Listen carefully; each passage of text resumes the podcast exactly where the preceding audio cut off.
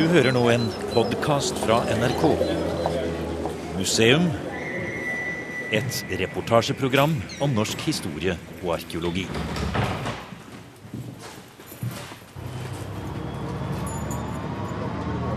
Kärnkraft är ju en, det, det är någonting som är lite speciellt och man får väldigt eh, starkt eh, kulturarv helt enkelt på många olika sätt.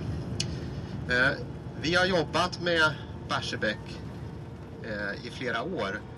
Eh, Det er Olof Hermelin fra Skånes regionmuseum i Kristiansand som snakker til en hel buss full av deltakere på en nordisk museumskonferanse. Nå er vi på vei ut til Øresund og atomkraftverket i Barsebäck. Och jag hoppas att ni har ID-handlingar och pass och annat med för att vi ska bli insläppta.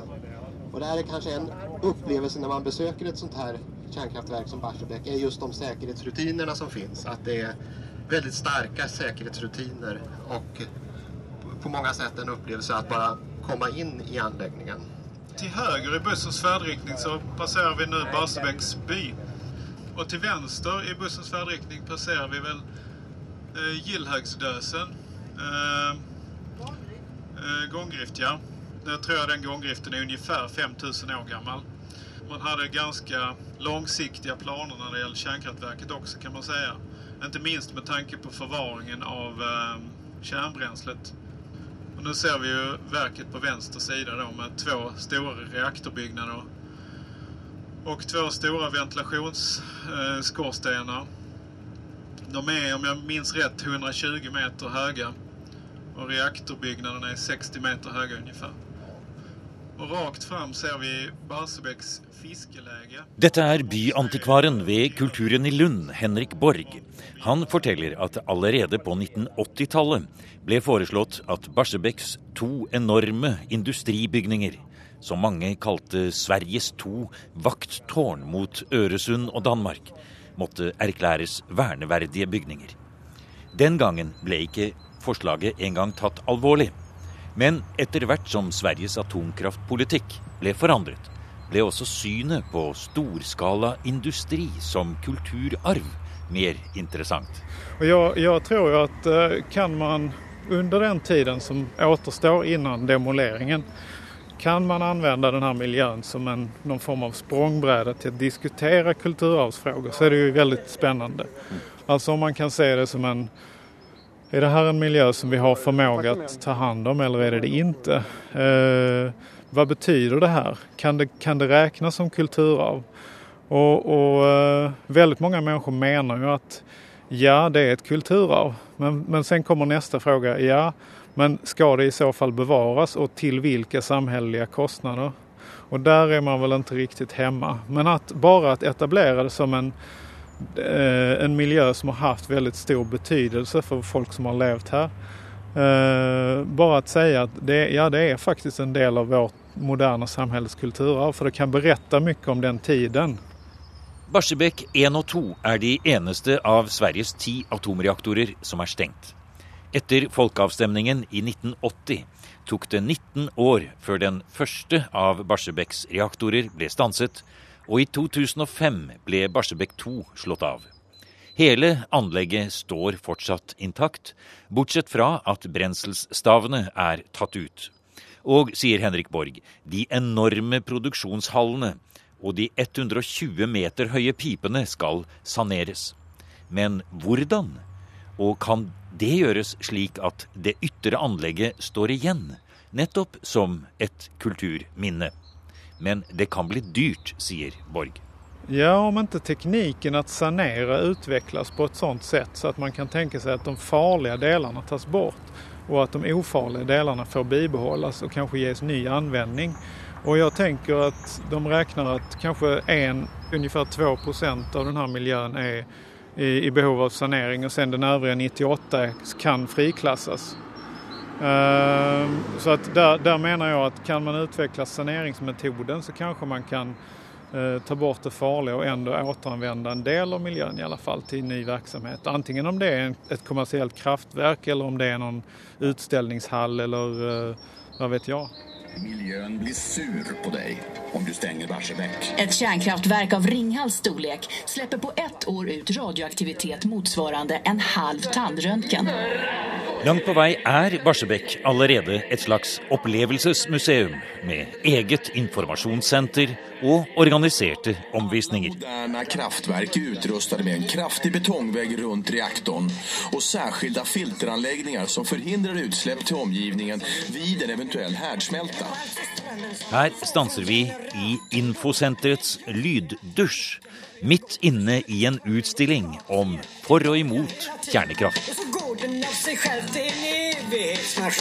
Växthuseffekten påverkas inte av kärnkraften. Tack. Ni svenska vakttorn.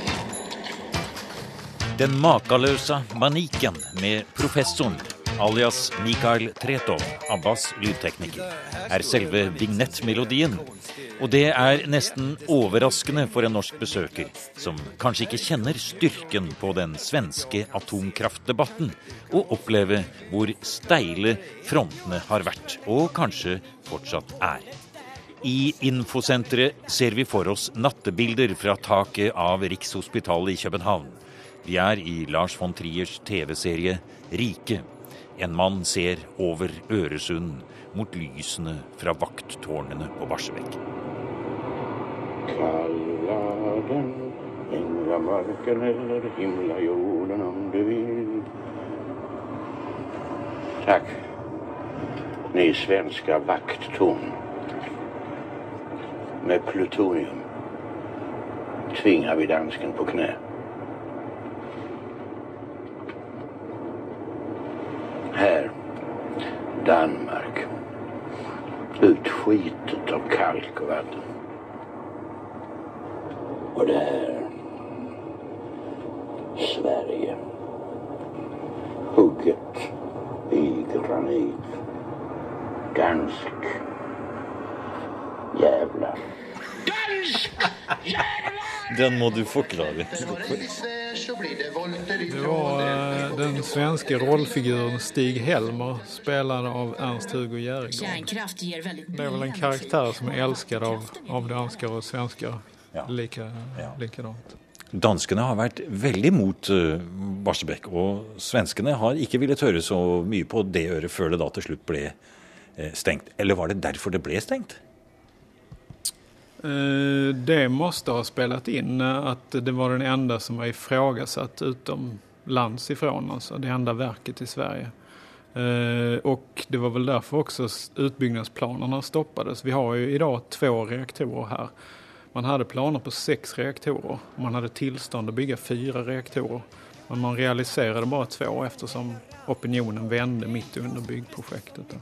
manicken börjar gå för ser du strömmen går tillbaks igen till början hela tiden och så går den av sig själv det är en evighetsmaskin det går hit, det går dit, det går runt Inne på kontrollerat område kan det finnas risk att man får bli kontaminerad, alltså att man får radioaktiv smuts på sig någonstans på kroppen. Och får du det då till exempel på händerna och du ja, äter någonting eller pillar Vi går igenom forskjellige sluser och telleverk. Vi kontrolleras och får på oss verneutstyr, vita overtrekksdresser, speciella sko och hjälmar. Maria Taranger är ansvarig för besöksverksamheten på Barsebäck och gör oss oppmerksom på att vi inte må bort i noe, ta fingrene i munnen eller näsan.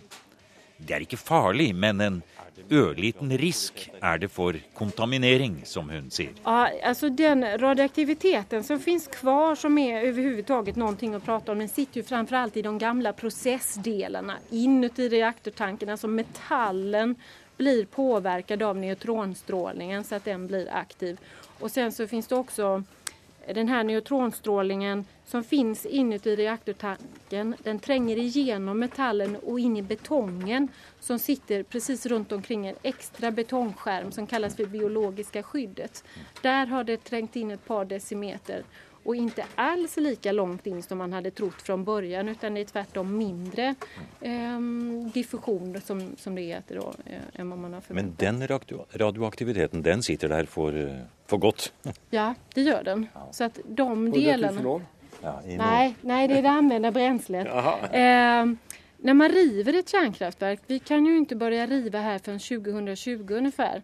Eh, mer än 95 procent av anläggningen blir ju konventionellt avfall som går att återvinna som metall, mm. betong, plast, eh, olika saker så. Det är bara en liten del som är radioaktiv och måste gå till ett särskilt förvar för detta. Och det finns inte byggt idag utan det finns färdigt ungefär 2020 och först då kan vi börja riva här. Ja. Men då kliver vi in. Vi utvecklar avvickling, stod det på broschyren här. Ja, just det. Jo, men de uh, hoppas nog att kunna utarbeta tekniker för att ta hand om uh, sådana här miljöer eftersom de tänker sig att det är rätt många som ställs av i Europa inom en snar framtid. Så det är omtrent ett uh, marknad i att finna ut hur man stänger ett atomkraftverk? Ja, jag tror det. På det mest effektiva och säkra sättet så ska de kunna vara föregångare När man jobbar i radiologisk miljö så är det ju, nu har ni ju redan fått känna på lite grann hur det är. Man blir mätt när man går in på kontoret, man eh, får ta på sig skyddskläder när man ska in på kontrollerat område. Och sen är det också så att när man är här inne och jobbar så har man olika hjälpmedel. Och den här som jag har plockat ut här det är en eh, en direktverkande dosimeter som mäter gammastrålning under tiden vi går runt här inne. Och då har jag talat om för den här att vi besöker att vi ska gå på Barsebäck 1 så är det extra låg larmgräns då inprogrammerad. Så någon av er får bära den i bröstfickan när vi går runt här. Det är bara att sträcka ut handen. Sen är det också så i Sverige att alla som arbetar i radiologisk miljö har en så kallad TL-dosimeter. Vi ser helt galna ut på de här korten. Eh, men den här mäter gamma, beta och neutronstrålning under en hel månads tid då. Så att den registrerade dosen mäts med hjälp av denna. Och den här är mer som ett skydd som larmar om man kommer någonstans, ja där det är förhöjd strålningsnivå. Och vi vill ju inte att våra besökare ska ta någon dos som är högre än, än vilken betongbyggnad som helst då. Eh, nu står vi i transportgången mellan Barsebäck 1 och Barsebäck 2. På det hållet ligger ettan, där ska vi roa oss idag. Och på det hållet ligger tvåan. Hiss funkar för alla. Ja, vad skönt, då slipper vi gå 12 trappor upp nu. Så då följer ni med mig så, så fortsätter vi. Ska jag trycka så att det stämmer här? Allerede nede i første etasje, før heisen skal tas 50-60 meter opp, får vi et mektig inntrykk av størrelsen på disse industrihallene. Tankene går i retning av en borerigg i Nordsjøen eller utskytningsrampene for Apollo på Cape Canaveral. Sikkerhetssoner, skilt og forsiktighetsregler overalt minner oss på at det bare for noen få år siden var full drift i reaktorene. Bra utsikt Ja. Om man tycker om att det killar lite i magen, om man har barnasinnet kvar så kan man kika ner här. 60 meter rätt ner.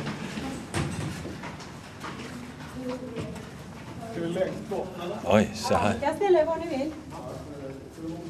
Här ser vi själva reaktorn här alltså. Tio år alltså. Och där ser man genomskärningen också på ja, akkurat. konstruktion.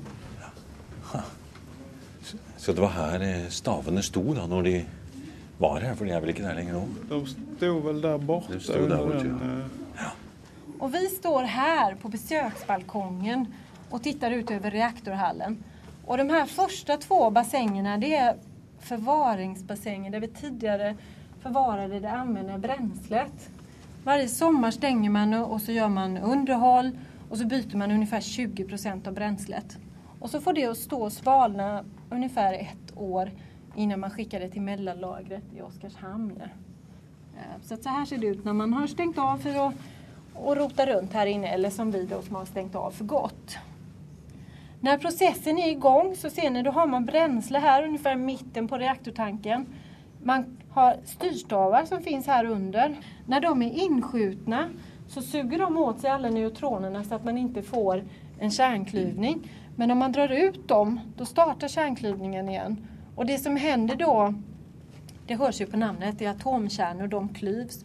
Och just när de delar sig så frigörs det stora mängder energi, framförallt i form av värme då, som kommer från friktion faktiskt. Ja, och det är den här värmen som man använder för att koka vatten, som då blir till ånga. Ångan skickar man sen till turbindelen av anläggningen. Den finns inte med på den här bilden men det gör inte så mycket för vi ska gå och titta på turbinhallen alldeles snart. Och när ångan har passerat turbinen så skickar vi ner det i en kondensor för då vill vi ha tillbaka det i vattenfas igen. Och så skickas den sen tillbaka till reaktortanken. Så man har ett slutet kretslopp här. Och havet kommer aldrig i direkt kontakt med processvattnet utan havet strömmar igenom kondensorn bara då, särskilda rör. Men dit ska vi faktiskt också gå och titta så att vi behöver inte ha det på denna bilden utan vi får se det live istället. Och det är ju sådana ställen vi aldrig kunde gå på när vi var i drift. För det är nämligen så att ångan är radioaktiv. Så då kan man inte vara där när man är igång utan bara när det är stängt.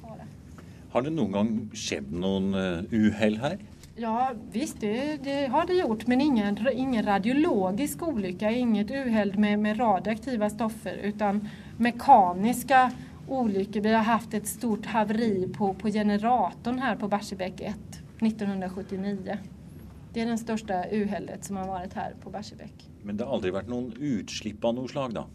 Inte utsläpp som, alltså det är så här, man får lov att släppa ut en del saker från de svenska kärnkraftverken eller från andra kärnkraftverk. Sådana utsläpp, tillåtna utsläpp har vi haft, men de ligger på någon promille av det som myndigheterna har godkänt. Så vi har aldrig släppt ut ens så mycket som vi får lov att göra. Men visst har man släppt ut eh, saker som man får lov att göra. Men aldrig något okontrollerat utsläpp och heller aldrig något utsläpp som har överskridit någon gräns. Man kan säga så här att om man tittar på Ringhals som är ett stort kärnkraftverk som ligger vid Göteborg ungefär med fyra stora reaktorer i drift. De släpper ut radioaktivitet som motsvarar en halv tandröntgen på ett år. På fyra stora reaktorer. Så det är inget man behöver vara orolig för. Och rädd behöver man heller inte vara. Alltså jag kan prata hela dagen men jag vet att vi har bilspår så jag tycker vi går ner till här.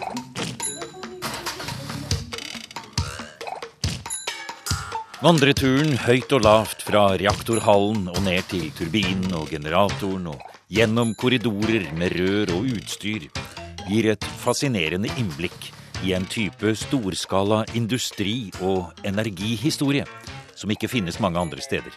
Riktignok er det en hel del atomreaktorer både i Norden og ellers i verden, men hvor kan man se en på nært hold, fra innsiden? Var det mye radioaktivitet eh, som du målte?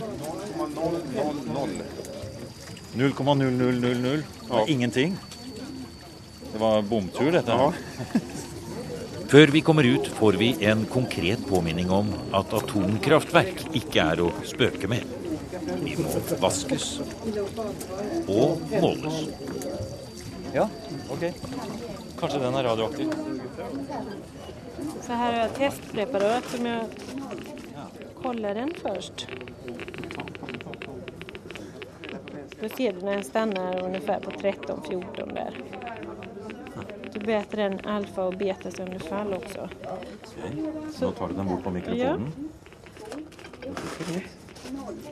Det står da noen tall her. 5,19 eller 5,31. Jeg vet ikke hva det betyr, men Sönderfall per sekund. Ja. Mm.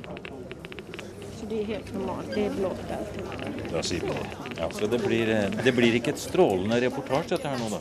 Ja, det kan ju bli glimrande bra. Men inte Men eh, vi, strålande. är inte, vi är inte färdiga än. Man måste alltid ha två av varandra oberoende. Ungefär. Det går hit och det går dit och det går en runt en liten bil. Och den startar på ett kick. Det är en makalös manik. Ja, tack, tack snälla professor. Men jag vill veta vad det är för en apparat. I Norge har vi teknisk-industrielle kulturminner som Krafthallen på Vemork, Odda smelteverk og andre store anlegg fra vannkraftindustrien. Pluss et eh, spørsmålstegn ved hvordan man skal ta vare på gigantanleggene etter oljeindustrien. I Sverige er det kjernekraften og Barsebäcks skjebne som setter denne diskusjonen på dagsordenen.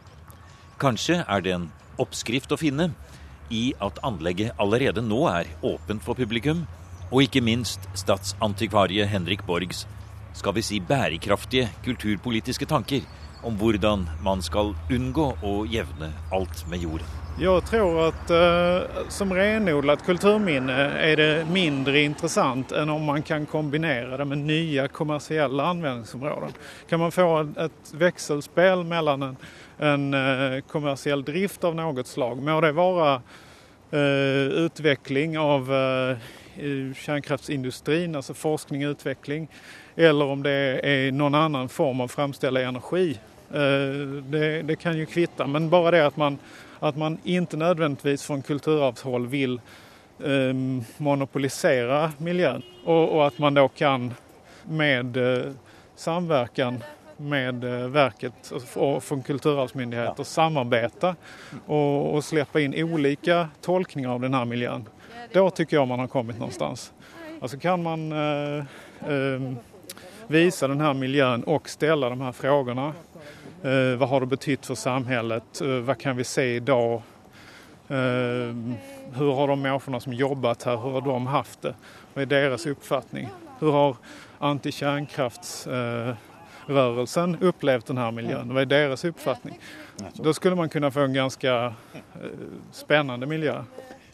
Och det är ju lite att tänka på när vi går längs gärdet här på Barsebäck och hör det summer lite grann ännu bak her, och ser dessa stora, går en jetflystripe över där. Antageligvis så är det väl lite som tyder på att någon ska få uppleva det på den måten du beskriver. För en bättre strandtomt kan man väl inte tänka sig för eh, fastigheter heller? Nej, för samtidigt tror jag att det finns nog en industriell användning. Det finns ett stomnät, ett elstamnät och det finns en hamn som är djupgående och det finns nära till infrastruktur. Så att den kan säkert ha industriella användningsområden också. Inte bara luxusboliger utan eh, kanske kan användas för tillverkning också, det vet jag. Arbeidet med att lägga grunnlaget för att ta vara på Barsebäck som kulturminne har pågått i många år. Och sammen med Henrik Borg har Olof Hermelin från Regionmuseet i Skåne varit en av ildsjelene. Det vi har jobbat med är ju på flera olika plan egentligen. Vi har jobbat med eh, att göra byggnadshistoriska dokumentationer, byggnadsantikvarisk dokumentation och vi har jobbat med att eh, också göra eh, etnologisk dokumentation med djupintervjuer med anställda och ett urval av anställda på, på Barsebäcksverket då, i omgångar. Vi har också haft seminarier, framförallt ett stort seminarium som heter Stort, fult och farligt kring kring Barsebäck som kulturarv. Stort, fult och farligt. Alltså stort, styggt och farligt ville vi sagt eh, på norsk. Ja. Eh, för det var väl essensen av hur Barsebäck blev uppfattat. För dere har fortalt att många av de som arbeidet på Barsebäck, de ville inte engang fortälla att de arbeidet där. Det stämmer, att man, man, man, man fick mothugg ute och det var demonstrationer och en het debatt kring etablerandet av Barsebäck. Och det gör att Eh, en del inte ville prata om det för man fick mothugg eh, och vände sig inåt men man var ju starka inåt och hade en styrka då i, i, i sin arbetsplats. Så när regionmuseet skulle dokumentera Barsebäck med tanke på et mulig fremtidig kulturminne så etablerade dere ett kontor ute på Barsebäck för att få de ansattes tillit. Eh, vi, vi fick jobba ute på plats, ja. Det är, det är också en metod när vi har jobbat med etnologi, att man gör intervjuer på plats och är på plats för att det, det är där man är van vid sin arbetsmiljö också. Så att eh, det, vi har varit på plats där ute och det har varit en viktig del då att kunna se det på plats, både byggnadsantikvarie och etnolog. Om man skulle sätta Barsebäck in i en samtidshistorisk sammanhang och sammanligna det kanske med de store slottene fra 1500-, 1600 og 1700-tallet, som det jo er mange av i Sverige. Store bygnader, det også. Barsebäck har enorme proporsjoner. Det er veldig stort. Det er en voldsomt stor bygning. Men hvis du skulle gjøre en sånn sammenligning som kulturminne, vilket, eh, hvilken verdi har Barsebäck i den sammenheng? Ja, Barsebäck har ju ett stort värde för att det visar ju vårt energibehov. Eh, kärnkraften, verken, det är ju inte det enda kärnkraftverket i Sverige men eh, de visar ju vad, vilket energibehov in, vår industri har haft och på en teknikhistoria som är oerhört viktig att på något sätt bevara. Sen inser man att det finns en problematik att bevara anläggningen helt intakt som ett byggnadsminne till exempel. Eh, och det är någonting som debatteras och kommer debatteras fortsatt under hela det här avvecklingsarbetet. Vad är det som kommer bli efter Barsebäck? Och, eh, det har varit förslag på strandängar, det har varit förslag på från andra som vill att man ska bygga bostäder. Den skånska kusten, det är väldigt tättbebyggt. Man vill ha tomtmark och annat. Så att det finns, det finns många tankar men det finns inget beslut på vad som ska hända när det är avvecklat. Men vad är din mening om det, Hermelin? Altså om det skulle bli beitemarker och öppet strandområde igen, vad har man då mistet? Ja, jag tror att eh, om man tittar på andra studier som har gjorts på andra delar, i andra delar av Sverige där man har tagit bort en industri och det har gått några år, då minns ingen industrin. Man tappar den ur sitt minne. Så när man ska berätta om sin ort så kommer man inte ihåg tegelbruket som är rivet och borta sedan 1960-talet. Eh, och det kan ju hända på en sån här plats också. Man måste ha någonting kvar, någon, någon slags anläggning, symbol eller någonting annat för att minnas en, en, ett industriarv.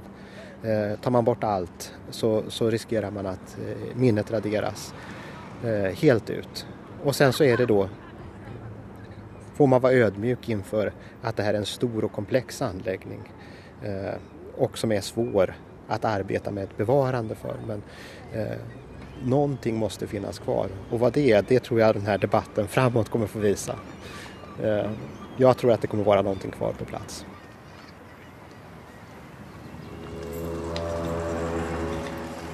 Du har nu hört programmet Museum som podcast från NRK. Museum sendes i NRK P2 på lørdager klokken 16.03 og søndager klokken 08.03. Du kan også abonnere gratis på Museum via iTunes. Er det spesielle programmer du vil ha lagt ut som podkast? Send gjerne kommentarer, tips og synspunkter til museum.krøllalfa.nrk.no.